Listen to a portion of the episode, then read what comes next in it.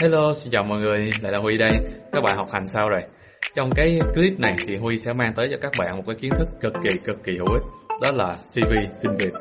Trong cái clip này á, thì Huy đã mời một ờ, CEO của Bracom Agency là một cái agency về thiết kế quảng cáo cũng khá là có tiếng ở Sài Gòn đây. Thì uh, anh uh, đó anh uh, CEO và Huy sẽ cùng feedback cái CV uh, các bạn nộp vô để mà có thể uh, mọi người có thể uh, uh, học thêm nhiều về những cái cách làm CV hay những cái điểm mà uh, có thể ghi điểm hoặc là làm mất uh, điểm các bạn trong uh, nhà trong mắt của nhà tuyển dụng. Rồi, uh, cái clip này Huy cắt ra từ cái khóa portfolio và CV xin việc cho nên là nó không có hết nó có một phần nhã hàng thôi cho dù đó cũng rất là dài à, nhưng mà nếu mà các bạn muốn coi hết thì các bạn phải mua cái khóa học đó của Huy còn nếu mà ai mua rồi á thì có thể vô check ngay cái khóa học của tôi các bạn được unlock những cái video này một cách hoàn toàn miễn phí rồi không nói nhiều nữa vô thầy này. Ok, uh, xin chào tất cả các bạn ha. Uh, anh là An hay các bạn có thể gọi anh là Andy cũng được. Anh là CEO cũng như là Creative Director của Racom Agency thì công ty anh cũng như các agency khác chuyên về mảng branding và thiết kế về truyền thông. Thì hôm nay uh, nhận được lời mời của Huy thì rất là vui khi có dịp ngồi đây để cùng trao đổi cũng như chia sẻ những cái uh, uh, kinh nghiệm trong cái uh, phần mà mình uh, xem. Ví dụ như uh, những cái CV những cái portfolio. Thì cũng mong là qua cái buổi ngày hôm nay có thể uh, góp ý cũng như uh, giúp các bạn xây dựng một cái bộ hồ sơ uh, xin việc vào các agency uh, tốt nhất. À, là cảm ơn anh An. À, Huy cũng rất là mừng tại vì anh An uh, có thể tới để đây để mà ngồi với Huy cho hôm nay. Thì uh, Huy biết anh An cũng khá là lâu rồi và những cái uh, tư duy và những cái cách mà công ty anh An hoạt động đó, nó rất là phù hợp và nó rất là liên quan tới những cái thứ mà mọi người sẽ làm nếu mà bạn học graphic design. Ừ. Rồi, sẽ không tốn thời gian của các bạn nữa, mình bắt đầu luôn ha. Rồi, đầu tiên thì uh, Huy muốn uh, mình sẽ nhìn tới Nguyễn Thế Huy đi ha. Ok, ừ, là bạn đầu đầu tiên. Thì uh, bạn uh, Thế Huy với email là anychan@gmail.com. Ừ. Rồi, bây giờ bạn à, mình cũng phải biết nhu cầu của bạn Huy trước ha. Rồi, nhu cầu của bạn Huy, bạn viết như thế này. À, bạn trước giờ là một freelancer, ừ. chưa làm một cái dự án chuyên nghiệp nào, nên muốn vào môi trường agency để mà thử thách bản thân nhiều hơn. Rồi, bản thân bây giờ vẫn đang tự hỏi là có đủ năng lực để tiếp tục dấn thân và phát triển trong môi trường ờ, thiết kế, quảng cáo hay không. Nên là muốn tìm một môi trường mà mình có thể học được nhiều thứ hơn, chứ không phải chỉ mang những gì mình biết ra xài đi xài mãi vì thực sự cũng chả có nhiều mặt xài. Mong uh, qua portfolio này có thể đánh giá khả năng của em qua những project mà em đã làm. Rồi, vậy thì tóm lại mình có thể thấy là bạn này uh, là muốn uh, xin việc ở một agency ừ. và coi như chưa có một cái uh, kinh nghiệm nào nhiều, ừ. chưa có một dự án chuyên nghiệp nào. Ừ. Bạn này uh, ừ, không biết là có hợp với lại ngành hay không và kỹ năng nó tới được mức nào, ừ. coi như là okay. nhu cầu của, của bạn. Rồi. Um, folio của bạn ở đây vì uh, Anychan.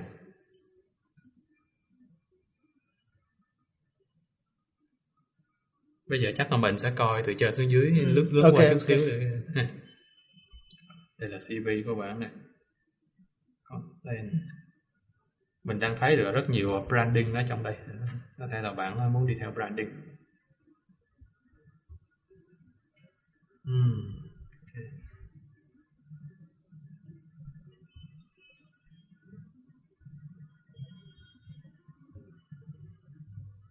Mm.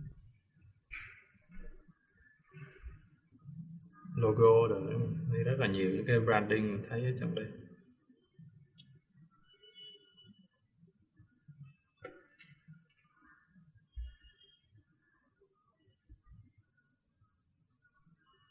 Hết rồi.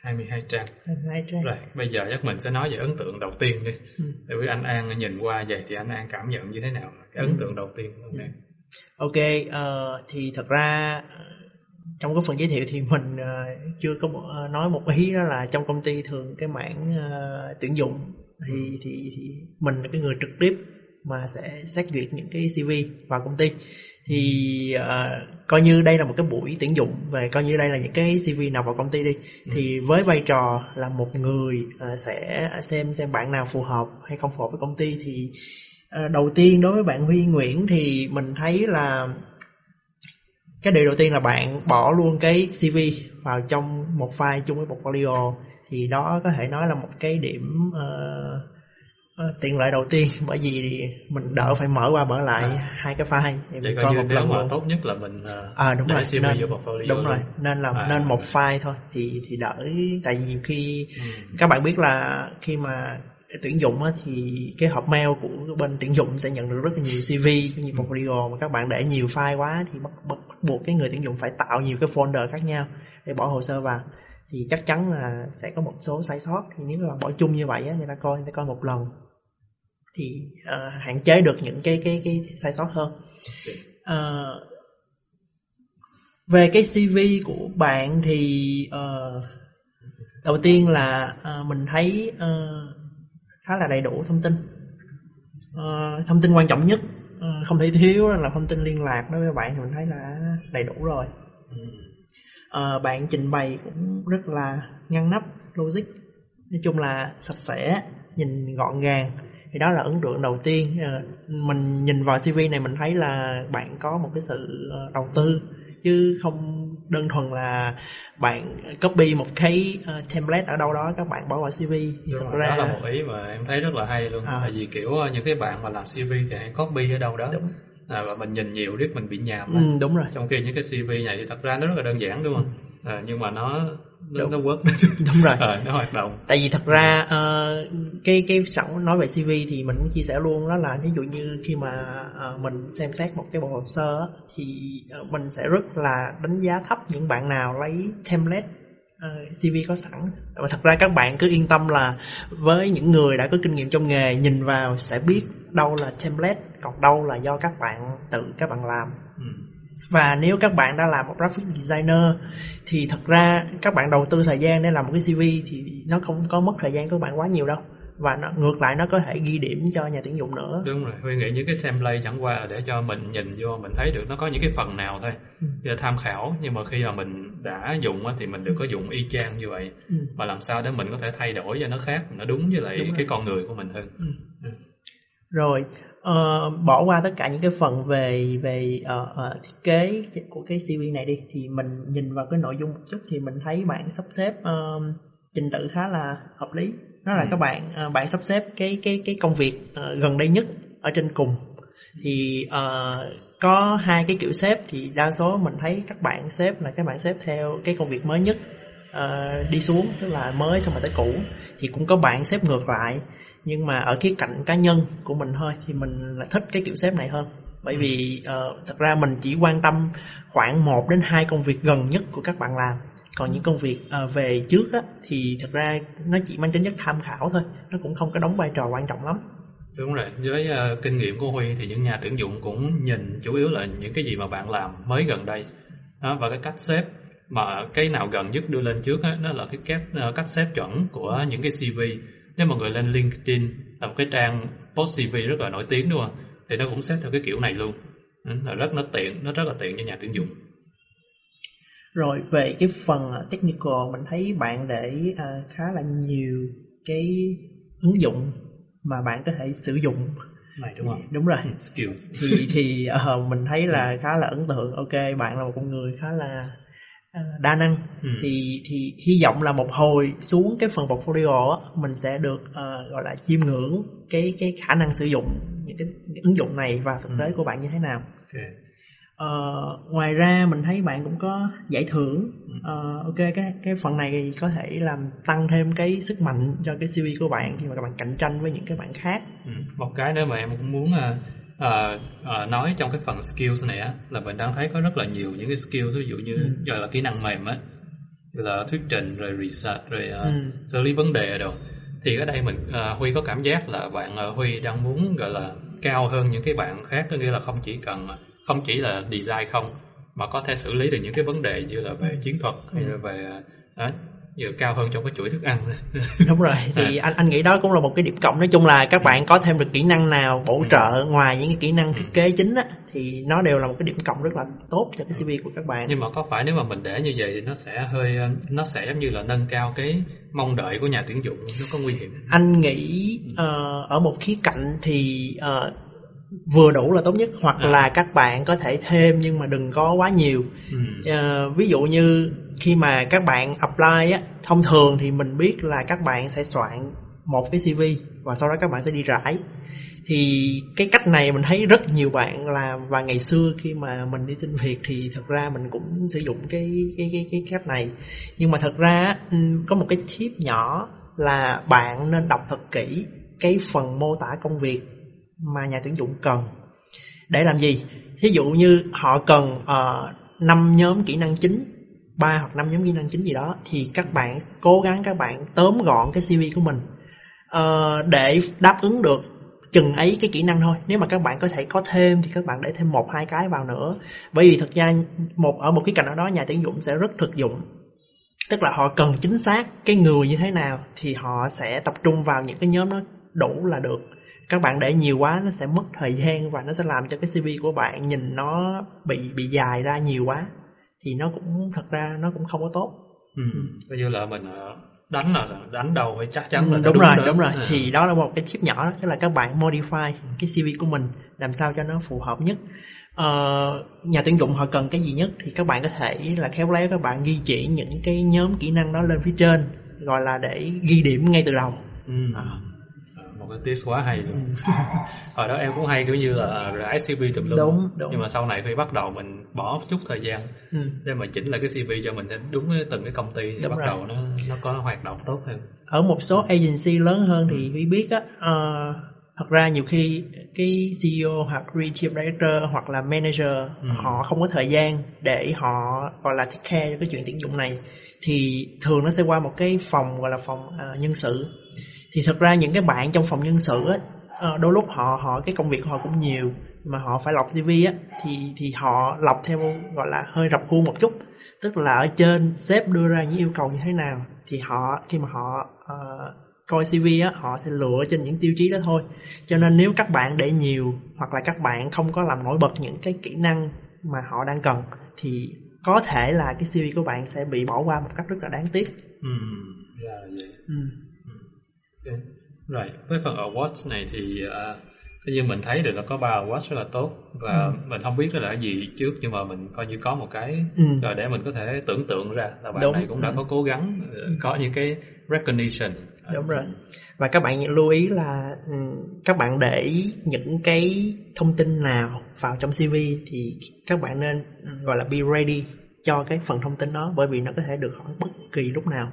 Ờ, tránh trường hợp là một số bạn các bạn để nhiều thông tin quá mà các bạn không có chuẩn bị hoặc các bạn chuẩn bị một cách sơ sài. Ví dụ như khi bạn để có những cái giải thưởng thì khi đi phỏng vấn thì thường là nhà tuyển dụng sẽ hỏi là cái giải thưởng nó như thế nào không đôi lúc là họ sẽ không có hỏi những cái phần mà các bạn muốn người ta hỏi đâu ví dụ như các bạn có thể muốn người ta hỏi nhiều về cái phần ờ, kinh nghiệm làm việc đi nhưng mà một số nhà tuyển dụng họ lại muốn quan tâm nhiều hơn đến khía cạnh về hoạt động xã hội của bạn để xem coi cá cá tính của bạn như thế nào thì nếu bạn không chuẩn bị các bạn đẩy vào thì vô tình các bạn lại làm mất điểm cho cái phần đó Ừ, coi như là bất cứ những cái gì mà mình đưa vô CV Đúng là rồi. mình cũng rất là kỹ coi như là Đúng. có thể chứng minh được cái đó Đúng và rồi. có thể giải thích được cái đó đúng rồi ừ. Ờ, ở đây mình thấy cái CV này á, có một cái điểm rất là hay mà đa phần các bạn ờ, làm CV hay bị nhầm lẫn á, đó là cái phần phân biệt giữa activity và experience. Thì đối với cái quan niệm cá nhân của anh đó thì Ừ. experience á nó phải là một cái công việc mà ờ, nói cho dễ hiểu nhất là các bạn có thể làm và kiếm tiền tức là lấy được cái cái tiền từ client hoặc là các bạn làm có phí hoặc là cùng lắm là các bạn phải làm ở một cái project một cái ờ, sản phẩm nào đó mà cái sản phẩm đó được sử dụng để làm một cái công việc cụ thể. Chứ nó không phải là những cái công việc mà các bạn làm ừm, một bài tập trong trường một cái bài tập trong lớp. Thì thì những cái đó thực ra nó không thể nào gọi là experience được bây giờ cái, cái ờ, những cái mà không kiếm ra tiền thì nó gọi đúng rồi. cho vui. Ờ, thì, là extra curriculum đúng rồi thì thì anh sẽ gọi cái đó là gọi là ờ, ờ, cái project thương mại hay là project cá nhân. Ví dụ các bạn làm cá nhân anh vẫn ghi nhận nhưng mà so với thương mại dĩ nhiên nó sẽ có một cái khoảng cách rất là lớn. Ừ.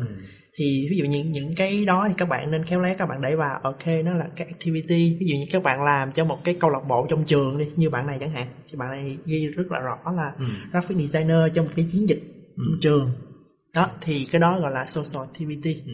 còn experience thì bắt buộc các bạn nên đi làm ở một công ty một cái team hoặc các bạn làm freelance cũng được nhưng mà cái project nó nên là project làm cho client thật Ừ.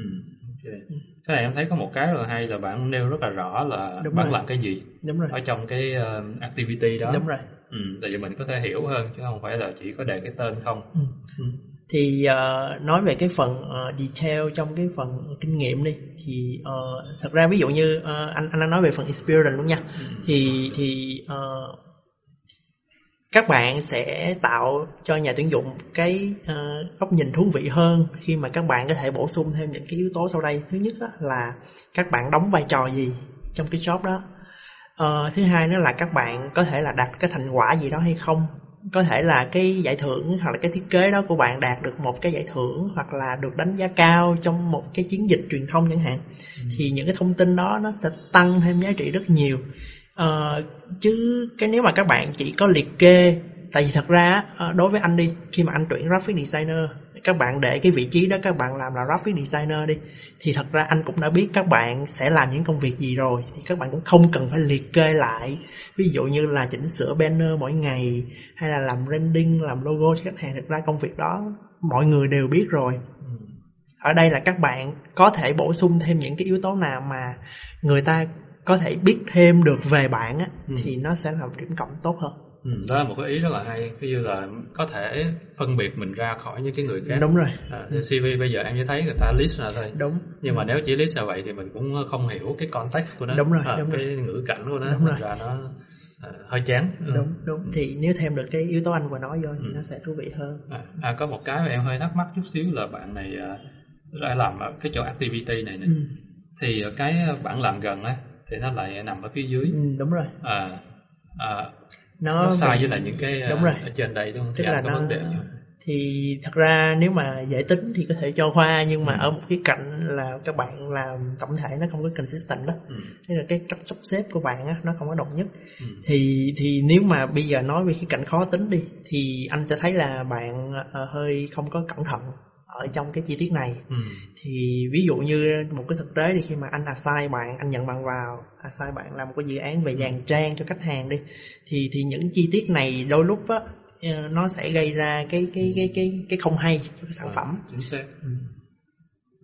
có thể là bạn muốn để lên trước là vì cái này là graphic design cho Ừ. nên là bạn muốn để lên trước Ừ. nhưng mà lại không consistent đúng rồi Ừ. thì ờ, lời khuyên của ờ, mình dành cho các bạn á, là các bạn làm xong các bạn có thể tắt cái file đó đi rồi một hai ngày sau hoặc là hôm sau đi các bạn đọc lại và các bạn đọc đúng chất là các bạn đọc chứ các bạn đừng có check theo kiểu là các bạn dòm từ trên xuống dưới các bạn thấy ổn là là các bạn đóng cái file lại luôn và các bạn gửi thẳng cái này cho nhà tuyển dụng thì nó sẽ hay dễ bị những cái lỗi như thế này đôi lúc là nó không có lớn lao nhiều lắm nhưng mà ừ, khi Nó các bạn biết tí Ừ, là, là đã đúng rồi. mình đã bị thua rồi đó. đúng rồi Ừ. cái thứ hai đó là các bạn không chỉnh sửa cái này luôn á thì nếu mà may mắn các bạn pass đi thì nó cũng sẽ gọi là đi vào máu các bạn á có những cái lỗi lầm mà các bạn không sửa thì dần dần nó sẽ càng ngày nó càng bự ra thì đến một lúc các bạn sẽ bị mắc sai lầm trong những cái project về sau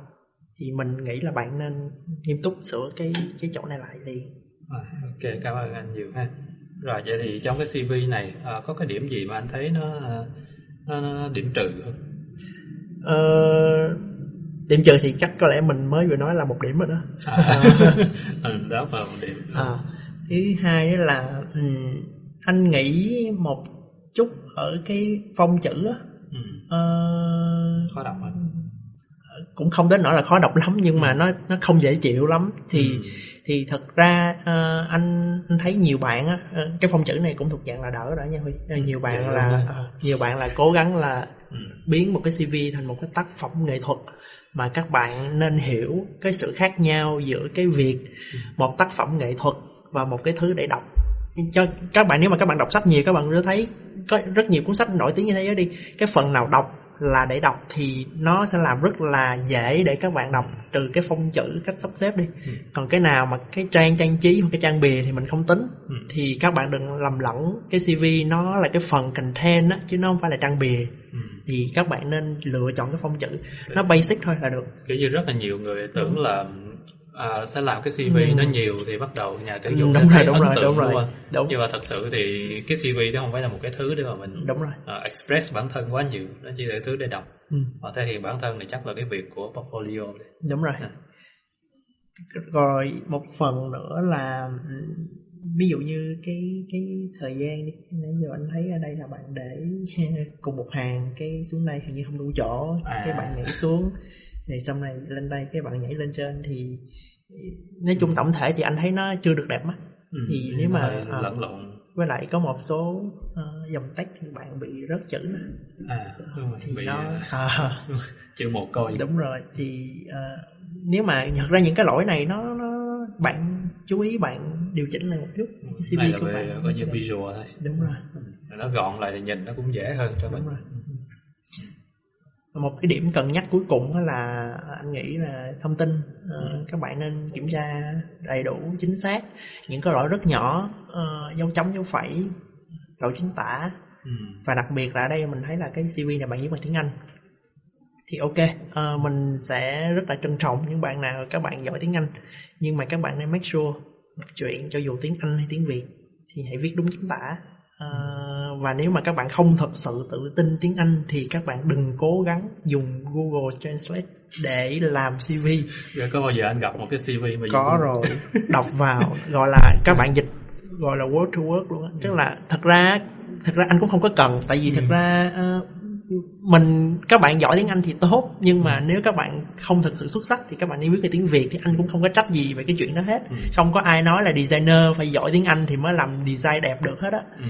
thì cho nên ờ, cái này là ờ, chắc trong giới hạn của buổi hôm nay thì mình không có nói về cái chuyện sai lệch chính tả lắm nhưng mà nhân dịp này thì anh cũng muốn nhắc thôi. Ờ, thứ hai nữa là cái cái cái contact của các bạn là các bạn phải đọc thật là kỹ Ờ, nhất là số điện thoại email. Email thì có thể các bạn dùng email để gửi thì nó sẽ có dù các bạn cứ ghi sai thì cũng được đi nhưng mà số điện thoại á ờ, nhà tuyển dụng nào mà dễ thương á ví dụ như bên anh đi thì anh sẽ email lại anh hỏi các bạn là em ơi số điện thoại em cho anh sai rồi. Thì có một trường hợp rất là vui đó là khi mà anh gọi điện thoại cho ứng viên thì gọi lộn số không anh phải nhận một cái anh gọi lại nữa thì bị người ta chửi. Thì thì thật ra là anh cũng cố gắng rất là kiên nhẫn. Anh email em ơi hình như em cho anh số, số điện thoại bị sai đó. Ừ. xong rồi bạn nó mới hớt hớt hải là à dạ dạ anh ơi số em ghi lộn một số gì đó. Chắc là ghi số của bạn gái hay số của ai đó thì không biết. Ừ.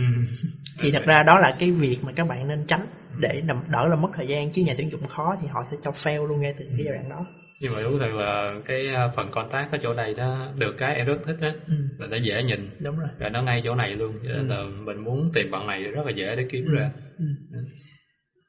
Ờ, về cái định dạng á, bạn xuất PDF là rất là hợp lý nha. Ờ, nhiều bạn xuất file JPEG á ờ, nó sẽ gây một cái bất tiện đó là khi anh cần copy một cái đoạn ví dụ email hoặc là một cái đoạn gì đi thì sẽ không copy được và anh phải type thì nó sẽ gây sự bất tiện một chút thôi cho nên các bạn gửi nên gửi CV bằng PDF ừ.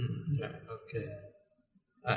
Với CV là à mà anh nghĩ sao CV có phần interest này rất là nhiều người hay sợ để vô không Ừ. biết anh nghĩ sao Ờ, đối với anh thì nếu có phần đó thì anh sẽ hỏi phần đó tại vì anh tôn trọng cái cái cái cái những gì các bạn để vào và anh cũng rất muốn gọi là bên cạnh khía cạnh công việc thì anh hỏi thêm về cái như nãy anh có nói đó.